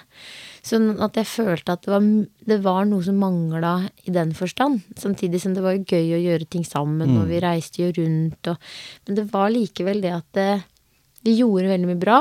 Og vi hadde det bra, men det var hele tiden som jeg snakka om i stad, vi hadde det bra, men jeg hadde, følte ikke at jeg hadde det bra. Det var noe inni der som mangla. Mm. Mens det kom fram etter hvert som jeg fant ut sjøl hva jeg ville ha. Hvem ja. er jeg? Hvem er det, hva er det jeg vil at vi skal ha i forholdet? Men det måtte jeg finne ut av sjøl før jeg kunne si det til han. Mm. Og det ser jeg igjen med mange av par rundt oss. At den dårlige stemninga, det, det som forholdet lider litt under, da, det er mangel på kommunikasjon om forventninger mm. de har til hverandre. Mm. Hadde man klart å være mer åpen om Vet du hva, dette her har jeg behov for. Eh, jeg, men, men, jeg føler ikke at du møter meg på det. Hvis man hadde hatt et ordforråd om følelser mm. og ønsker og behov, så tror jeg faktisk begge to har veldig lyst til å ha et godt forhold, men vi mangler verktøyene. Ja. Og det har vi bygd opp etter hvert som vi har eh, åpna for samtaler, lest bøker, lest eh, Vi begynte med 'Sofies verden' av Jostein Gaarder, som vi ja. leste faktisk samtidig. Den lå på Wattford. Ja. Og da begynte denne nysgjerrigheten sammen, og snakka litt om den, og ja, begynte vi Trente litt da på de gode samtalene. Mm. Jeg tror på kommunikasjon. Ja, ikke sant. I dag så kan du se par som kan Altså kanskje etablerer seg litt fort. Jeg vet ikke. Kjøper eh, hus før de kjøper eh, Eller byg, har bygd forhold. Sitter med hver sin mobiltelefon i sofaen. Og den eh, smarttelefonen er kanskje ikke det smarteste valget. når, når, vi leser de bøker som dere har gjort, da, som, som går liksom ned til det, det basic i mennesket, vår mentale grunn, grunnfjell, Eh, så er det veldig lite nevnt eh, om det som har skjedd eh, i verden de siste ti åra, dvs. Si alt innenfor teknologi. Jeg er jo begynt å bli veldig opptatt av det som jeg kaller for analog hverdag. Mm. De analoge elementer, hvor fins de? Og så har jeg vært så heldig at jeg eldstedattera på 31, hun har liksom fått en fascinasjon for Elvis, mm. plutselig. Mm. Uh, og har kjøpt seg platespiller, som det het, med LP-er. og spiller plater på den gamle måten. Og mm. barna hennes, da, eller barnebarna, de syns jo det er kjempegøy, for det er jo en teknologi som Eh, Altså, vi har mange barn nå som har vokst opp med Som ikke aner hva CD er engang. Mm. Og, vi, og, og du har jo rekt å leve såpass at du vet hva kassettspiller og hva LP-plate er, og sånn, selv om det på en måte forsvant plutselig ut når digitale medier kom. Mm. Så tenker jeg, har livet til vårs mennesker blitt litt sånn at vi har digitalisert oss sjøl? Vi snakker med, med helt andre altså, For jeg vet jo det, for jeg jobba i den bransjen. Jeg vet jo det at når det analoge sporet skulle eh, bli digitalt, så måtte du gjøre noe. Philips var jo med på å utvikle dette med CD og, og, og digitale kassetter og sånn, at det, vi må komprimere. Men vi må komprimere så mye, men ikke så mye at folk hører det, egentlig. For øret oppfatter jo en del, eh, men ikke alt. Mm. Og da, da var det sånn å komprimere og komprimere. Og gjør vi ikke litt sånn med menneskelivet i dag? Vi setter liksom Hva er standarden i livet? Jo, eh, en god del følgere på sosiale medier. Eh, vi må ha akkurat de beste vennene som bare er med på de kule tinga. Eh, og det gir jo ikke rom for de menneskene der ute som egentlig trang å være i nærheten av noen andre som bryr seg om akkurat de elementene. Om et bedre liv. Sitte foran bålet istedenfor å sitte foran mobilen. Det er det jeg ser sånn fellesnevneren for de som faller litt utenfor. Det er Mm. at de ikke ser verdien i det å øke materiell verdi. Ja. Og det at de kanskje er veldig kreative og kanskje skulle ønske at verden var litt snillere enn den er. da. Mm. Og jeg tror at de som Det er en kjempefordel at noen er så opptatt av penger og vekst av penger at de får økonomien til å blomstre. Men hadde de kunnet gjøre det for å bidra til fellesskapet, Mm. og så kunne de andre som er opptatt av å få mennesker til å vokse Mm. uh, i den indre verdien, at de også hadde fått en like stor anerkjennelse. Ja. Uh, fordi at det er en like stor verdi som det å bygge nye ting. Og Mm. det å duppeditter og vekst og teknologi, det er jo også kjempefint. Det gjør jo at vi har en veldig behagelig hverdag. Nemlig. Det er lett å tenke sånn som du sa i stad, at det var bedre før.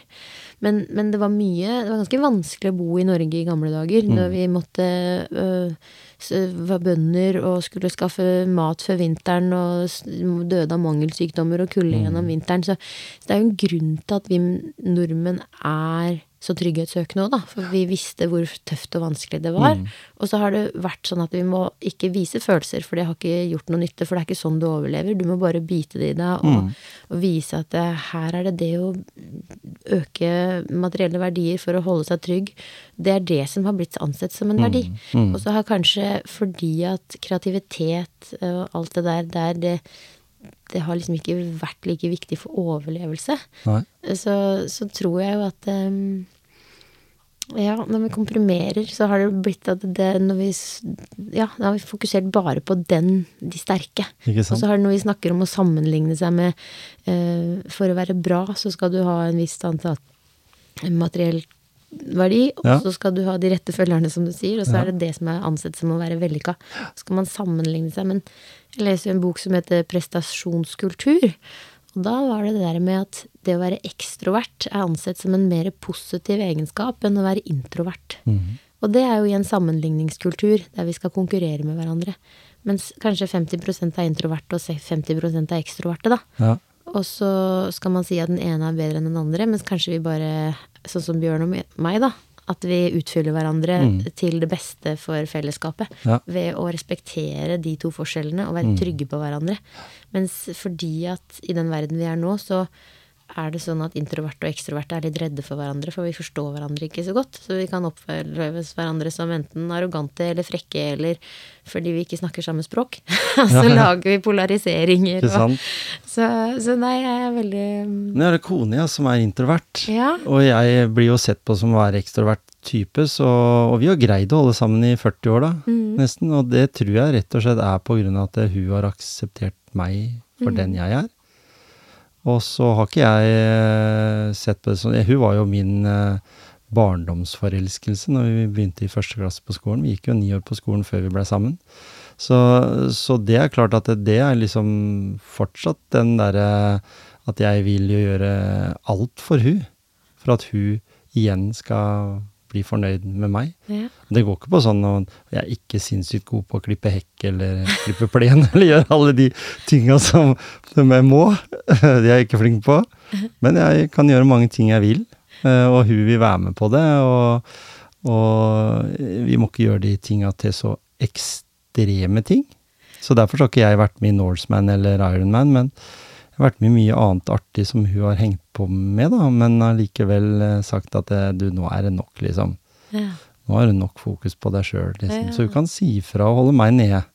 Med min, jeg sier jeg er heliumballongen, og hun holder i snøret. Men når du sier at du ikke er så opptatt, eller så god på å klippe hekk, er du litt opptatt av å finne ut hva som er viktig for henne? da? Mm. For å vise kanskje at ja, hva er viktig for deg at Mm. jeg støtter deg i? Det er at eh, jeg må vite min begrensning på den her, mobilen. Ja. Ja. For hun er veldig flink til å legge den bort. Ja. Jeg har aldri blitt spesielt glad i mobil, egentlig. Mm. Eh, Sosiale medier bruker jeg jo veldig lite, egentlig ikke i det hele tatt. Mm. Eh, Og jeg bruker det mye. Eh, For mye noen ganger. Mm. Men jeg tar meg sjøl i nakken ved å si at eh, nå må du ta deg sammen. Nå må jeg liksom skjerpe meg litt. Mm. Det tror jeg er de bokstavene mine som jeg har, er født med. Mhm. eh, om det er hele alfabetet eller bare litt av det, eh, gjør at eh, den er en liksom uting, da. Jeg har jo jobba i den bransjen så jeg vet jo hva det gjorde med de første SMS-en og ormen på Nokia og sånn, ikke sant. Hvor, hvordan vi er. Det er jo denne her spilleautomaten på danskebåten som er hele greia. Den derre håp om å vinne den store gevinsten. Ja. Og det er liksom de der helt uh, urinstinktene i vår hjerne. Mhm. Disse hormonene vi skiller ut, som vi kunne snakka masse om. fordi dette er jo ting som du er veldig opptatt av. Ja. Er en del av uh, retningen vi må tenke, da. Hvis du har lyst til å jobbe med menneskene og forebyggende helse. Der er vi jo veldig enige. Og jeg tenker, du nevnte jo det der med analoge. Det at man går liksom tilbake til platespiller, og det å være en del av denne fysiske verden. Jeg Lage pinnebrød, ikke sant. Gjøre, grille pølser på bål. Unger i dag vet jo ikke det. De har jo en sånn fryer eller et eller annet sånt noe hjemme som lager maten. Og jeg er veldig opptatt av jeg, jeg kjenner meg veldig trygg i den fysiske verden. Jeg er veldig glad i å trene. I, liksom, det, det, det jeg kan ta på, det er virkelig for meg. Og så forstår jeg mennesker. Og så tenker jeg at det skal jeg holde på. Og så når vi da har eh, kunstig intelligens og det som tar over, og folk er så bekymra for hvordan det kommer til å kontrollere livene våre. Og så tenker jeg ja, men istedenfor å bare skrike opp om at det ødelegger livene, så må vi si at hvis vi prater om disse temaene, og lar den kunnskapen vi har om det å være menneske, også inngå i kunnskapen som vi fòrer den kunstige intelligensen med, så kanskje vi kan påvirke den kunstige intelligensen til å ta bedre avgjørelser for oss som mennesker. Så det også tenker jeg at da må vi og jeg er heller ikke så redd for kunstig intelligens, eller kunstig intelligens. For jeg tenker at den dagen alt krasjer, så er jeg sterk nok til å overleve i en Ja. bush et eller annet sted. men, men, så det gidder jeg ikke å tenke så mye på. Nei. Men, eh, men eh, nei, det fysiske og jordnære, det, det er liksom Mm. det jeg syns er godt og trygt. Ja, og, og jeg tenker på all sånn teknologi som kan hjelpe meg til å bruke tida mi annerledes, på en mer positiv måte. Eh, vi gjorde en sånn greie her i heimen. Vi fant alt det som vi syntes var eh, grums, som lå av klær, ting og tang. Eh, så er det et konsept som heter Loppo, som er sånn loppemarked, supermarked. Der leide vi en sånn stand, og så fylte vi opp den med de tinga. Det gjorde noe med oss mentalt òg. Fordi du har kanskje ting hengende i skapet som du aldri har gått med, eller som du ikke helt uh, skulle ha kjøpt, føler du. Uh, og da hvis du får bort de elementene, uh, pønteting som å herregud, hvorfor kjøpte jeg det der keramikkruset der, eller det serviset, eller For det er jo sånn vi gjør mange ganger. Så vi har blitt ganske bevisste på det nå framover, for jeg er veldig på gjenbruk. Dette kontoret her, bortsett fra det tekniske utstyret, så er alt gjenbruk, egentlig. Eh, som andre mennesker ikke hadde noe glede av å ha, eller som de ønska å dele med andre, da, fordi de var veldig fornøyd med det, men allikevel, nå har jeg ikke plass til det, f.eks. Så, så har vi på en måte fått en sånn Så, så jeg, de pengene vi da fikk inn der, de kjøpte jo Fikk jeg lov til å kjøpe noe som jeg hadde lyst på, og det var robotklipper. ikke for at jeg ikke vil bruke en og en halv til to timer i hagen, men da kan jeg bruke en og en halv til to timer til noe annet. Ut og trene en ekstra treningsøkt. For sånn som i sommer, så kunne jeg gjøre, klippe plenen her to ganger i uka. Så, så, det er jo ikke mye tid, men det er tid jeg ønsker å bevare til andre ting. Så, så den andelen som hun da fikk, da, det, da kjøpte jeg seg elsykkel. For hun er, vel, hun er egentlig hater å sykle, for hun hater å bli svett. Ja. Fordi hun har de der eh, traumene fra barnetida, eller barnetida, fordi hun svetter kanskje mer enn det jeg gjør. Ja. Uh, men nå kan vi ut og sykle sammen. Det har ikke vi gjort. Jeg har vært sånn ute og sykle med raceren eller, eller fatbiken eller bruke det, liksom. Og da Nå kan hun Nå må jeg liksom skjerpe meg for å henge med hun. For nå kan du sykle fra meg. og jeg tror Vi har ikke fått gjort det ennå, men jeg tror hun gleder seg sinnssykt til å komme på sykkelen og se omgivelsen fra sykkelsetet. Det er liksom noe med det der å, å ha med noe i sekken, og ha med en kaffe og en Snickers eller et eller annet. Det å ta det fine med utviklinga og se mulighetene i det, mm. istedenfor å bare si nei til det som er nytt, eller nei til elsykkel, eller mm. bare si ja, men um, også være litt obs og ta litt kritiske valg, at ikke alle barn trenger en elsparkesykkel, kanskje. Ikke sant? Men hva, tror, men hva tror, du, da, for å spørre deg, hvor er um, Cecilie om fem år? Du er på denne jordkloden, men, men hva, hva driver du med da? Tror du?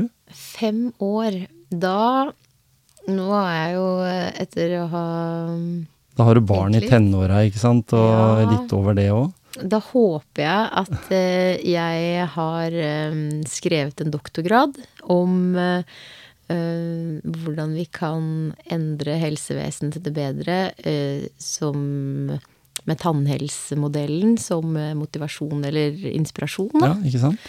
Eh, og så kan jeg ha bygd opp eh, en, en litt sånn à la Modumbad, sånn som Balderklinikken, med enda bredere kunnskap og synergi som heter da Friskere sammen. At vi har et sånn mm. der vi også For det som er synd nå, er at alle som har kunnskap og ser hvor viktig det er, de har gjerne penger og midler til å betale for det. Nei. Mens de som trenger det mest, har jo ikke det. Og så er den tilgjengelige gratis helsetilbudet, det er medisiner og vanlig medisin, sånn som vi ser det i dag. Mens det jeg ønsker, er at denne da, etter denne doktorgraden jeg tenker at jeg har lyst til å skrive, skal kunne dokumentere hvor viktig det er, sånn at denne Friskere sammen-helsemodellen skal få støtte fra det offentlige til mm. å hjelpe den sårbare gruppen til å faktisk få meningsfulle liv, og ikke bare falle ut i verdensrommet av en uh, uføretrygd.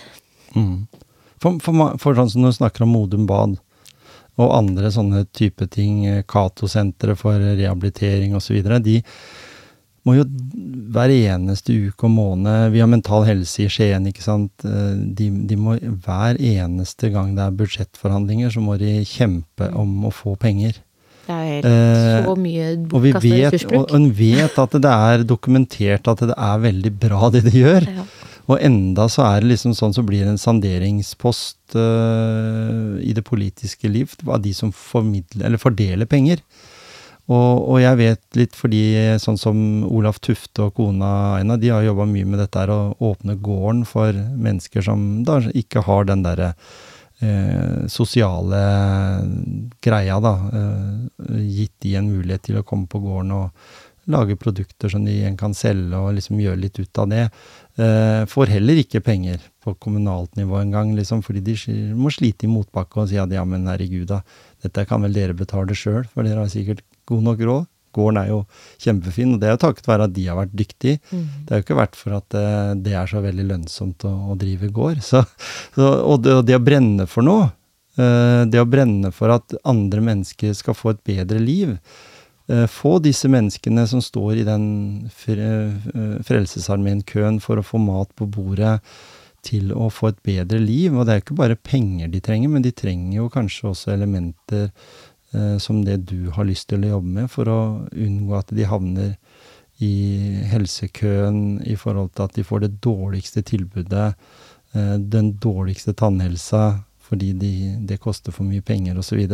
Jeg tenker jo også den gruppa da, som vi hjelper, de vil jo igjen bli ny arbeidskraft mm. til å hjelpe enda flere. Ikke sant? Så det å bygge da enda flere som vil det samme, som har sett betydningen av det vi har. Det å, å gi det videre. Ja, ikke sant? Så, så det, jeg, jeg er jo veldig naiv, og jeg har hørt det som noe negativt opp igjennom at jeg er så naiv. Men eh, tja.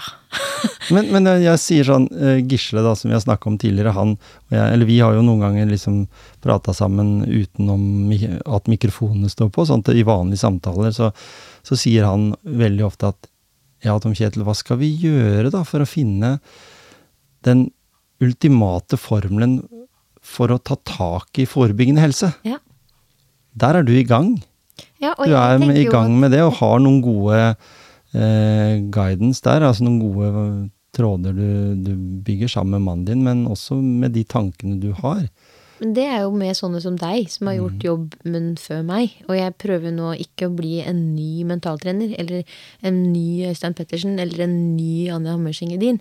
Jeg har lyst til å fremsnakke alle de som gjør det samme som jeg syns er viktig. Mm. Og så vil jeg bygge videre på all den jobben som har gjort i mange, mange, mange, mange år. Mm. Og så vil jeg snøre sammen og dokumentere nå at nå er det på tide at vi ikke lenger ser det som en trussel mot helsevesenet, men, men faktisk at vi trenger begge deler. Mm. Ja. Og at hvis vi skal snu trenden, så haster det litt med å faktisk gjøre noe annerledes. For nå har vi gjort det samme veldig, veldig, veldig lenge.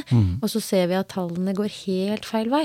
Og da må vi bruke den nye medisinske forskningen og helsekunnskapen som vi har, og ikke være redd for den og krangle om den og lage polariseringer. Men vi må faktisk finne ut av hva Uh, hva er det vi har? Ja. Hvordan kan vi bruke det best mulig? Raskest mulig, sånn at vi kan bygge en fremtid som barna mine kan ha det bra Norge i. For Norge er et fantastisk land.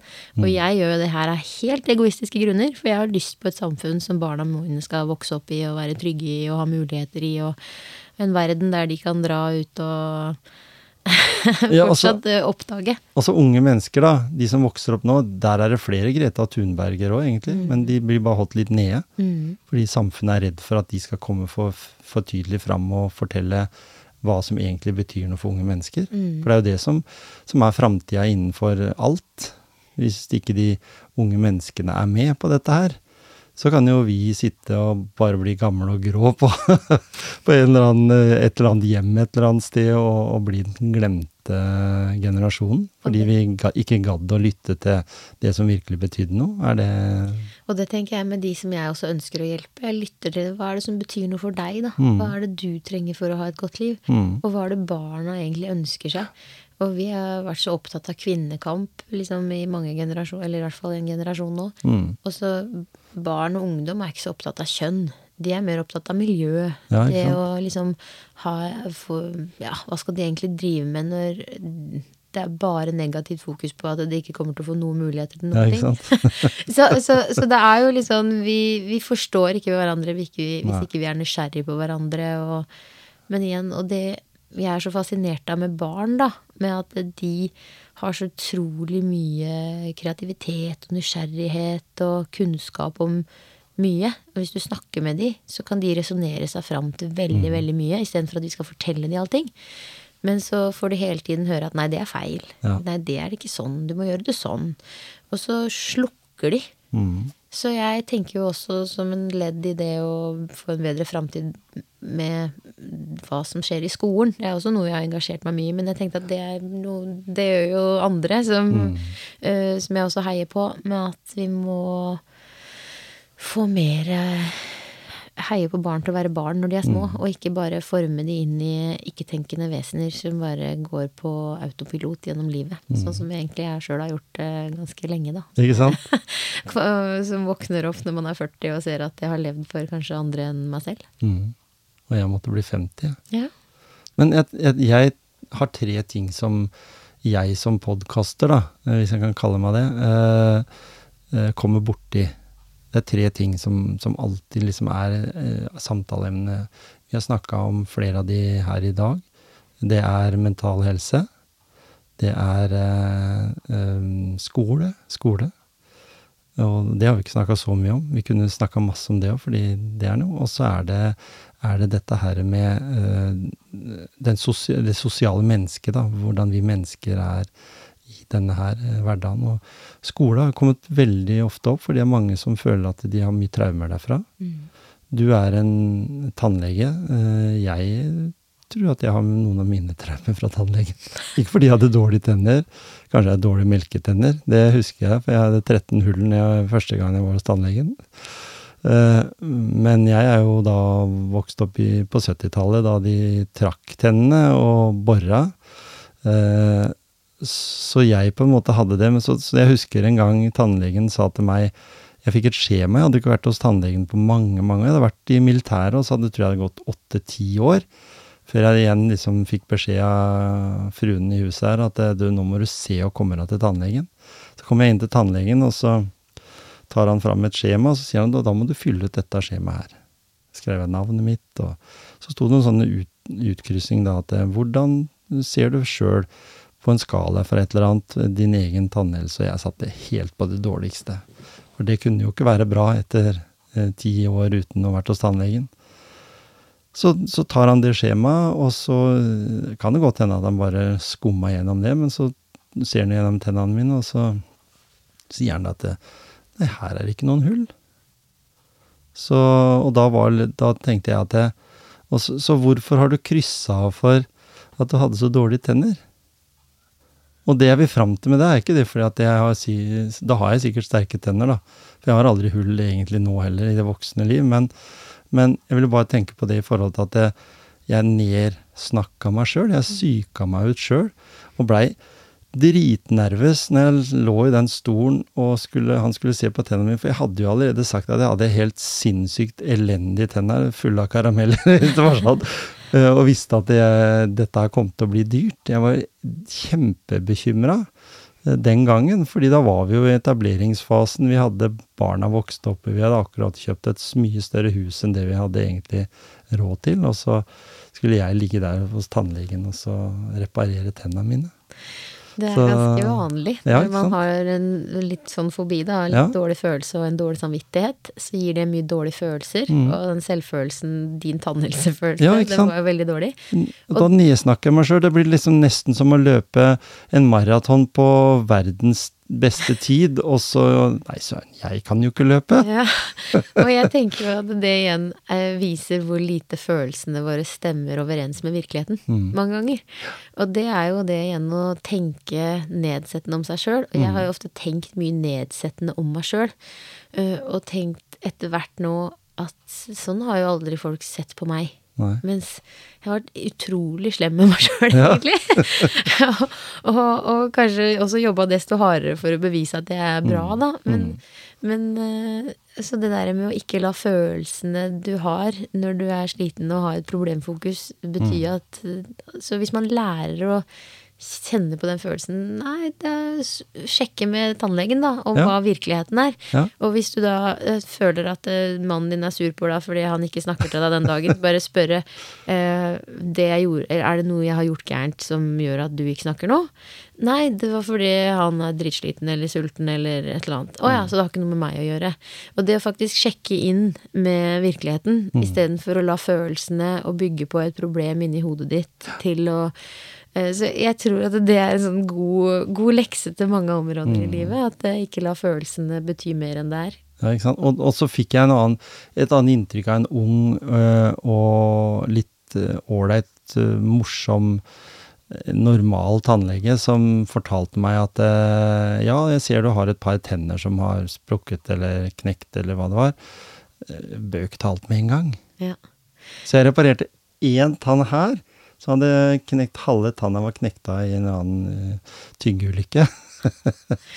og, og, og det var jo ikke noe pent, det var jo sånn, men jeg så jo liksom for meg at det var tusenlappene ville, ville trille her. Og så blei vi enige om det her hjemme, at da reparerer vi den. Og så sa tannlegen også at det høres fornuftig ut. Da tar vi den som betyr mest for deg. Så kan vi ta den andre neste gang. Ja, det er alltid et eller annet i, som vi kunne ha reparert på, men det syns jeg var en veldig god mentalitet, da, som jeg håper at mange andre der ute som har traumer for tannlege, blant annet, da. Og når jeg har deg i studio her og ser hvordan egentlig tannlegene er, så er jeg veldig glad for det. og de fleste tannlegene er veldig gode på kommunikasjon. Ja, og det og, som er viktig da med Her er det som er virkelig sykdom, som mm. handler om å gjøre først. Og i hvilket tempo. Det er du mm. med på å bestemme. Både ut fra din økonomi og hva du orker å gjennomføre rent psykisk. Mm. Eh, og så det som ikke er viktigst etter at vi har fått bort alt som er av høl og alt det der, så kan vi begynne å bygge opp men det haster jo ikke. Det kan Nei, vi gjøre når du da ikke har sykdom i munnen, og så kan vi ta det om vi er ferdig totalt sett om fem år. Det har mm. ingenting å si. Mens hvis vi bare får brannslukka først, og så bruker vi den tida du det tempoet du kan eh, være med på. Nemlig. Og så lage en plan. Og det jeg tenker, det er en sånn god Hvis du skal jobbe eller bygge noe, da. Du tenker ikke at du skal bli ferdig i løpet av en uke hvis det er et hus du skal bygge. Du må jo tenke at da først så må vi ha en plan. Først mm. må vi se hva vi har å bygge på. Og så må vi finne ut av hvordan vi skal nå dit med de ressursene vi har. Nemlig. Så jeg tenker jo at det er jo Det gjelder jo alt bruker mer tid, mm. og ikke har for dårlig tid. Mm.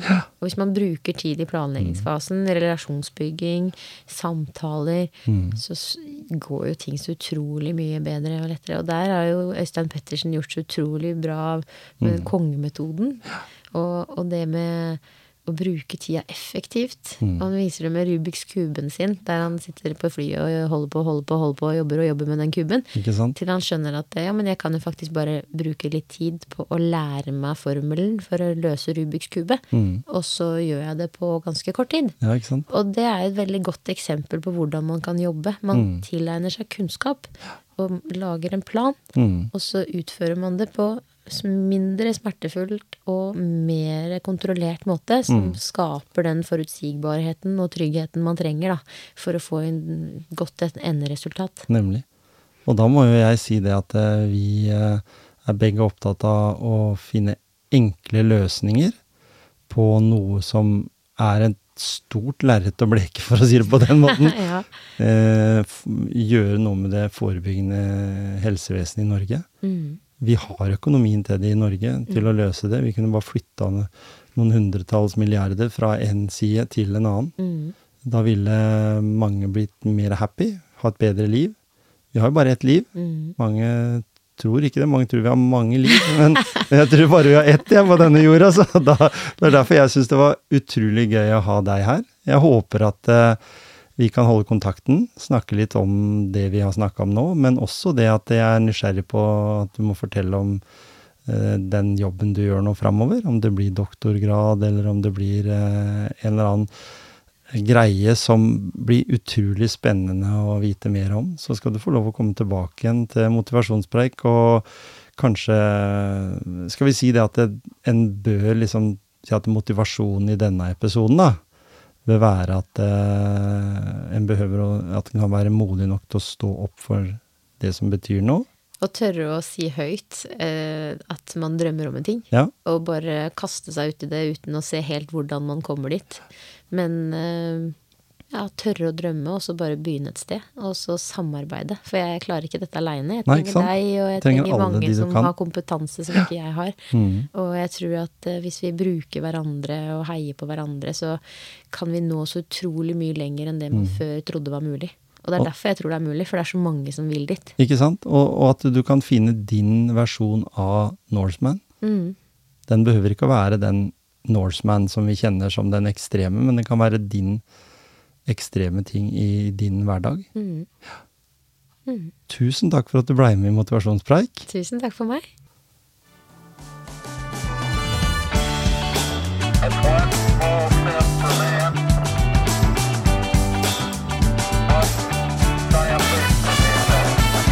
Og da var en eh, episode over for denne gang. Ny episode i Motivasjonspreik kommer om en uke, så tune in!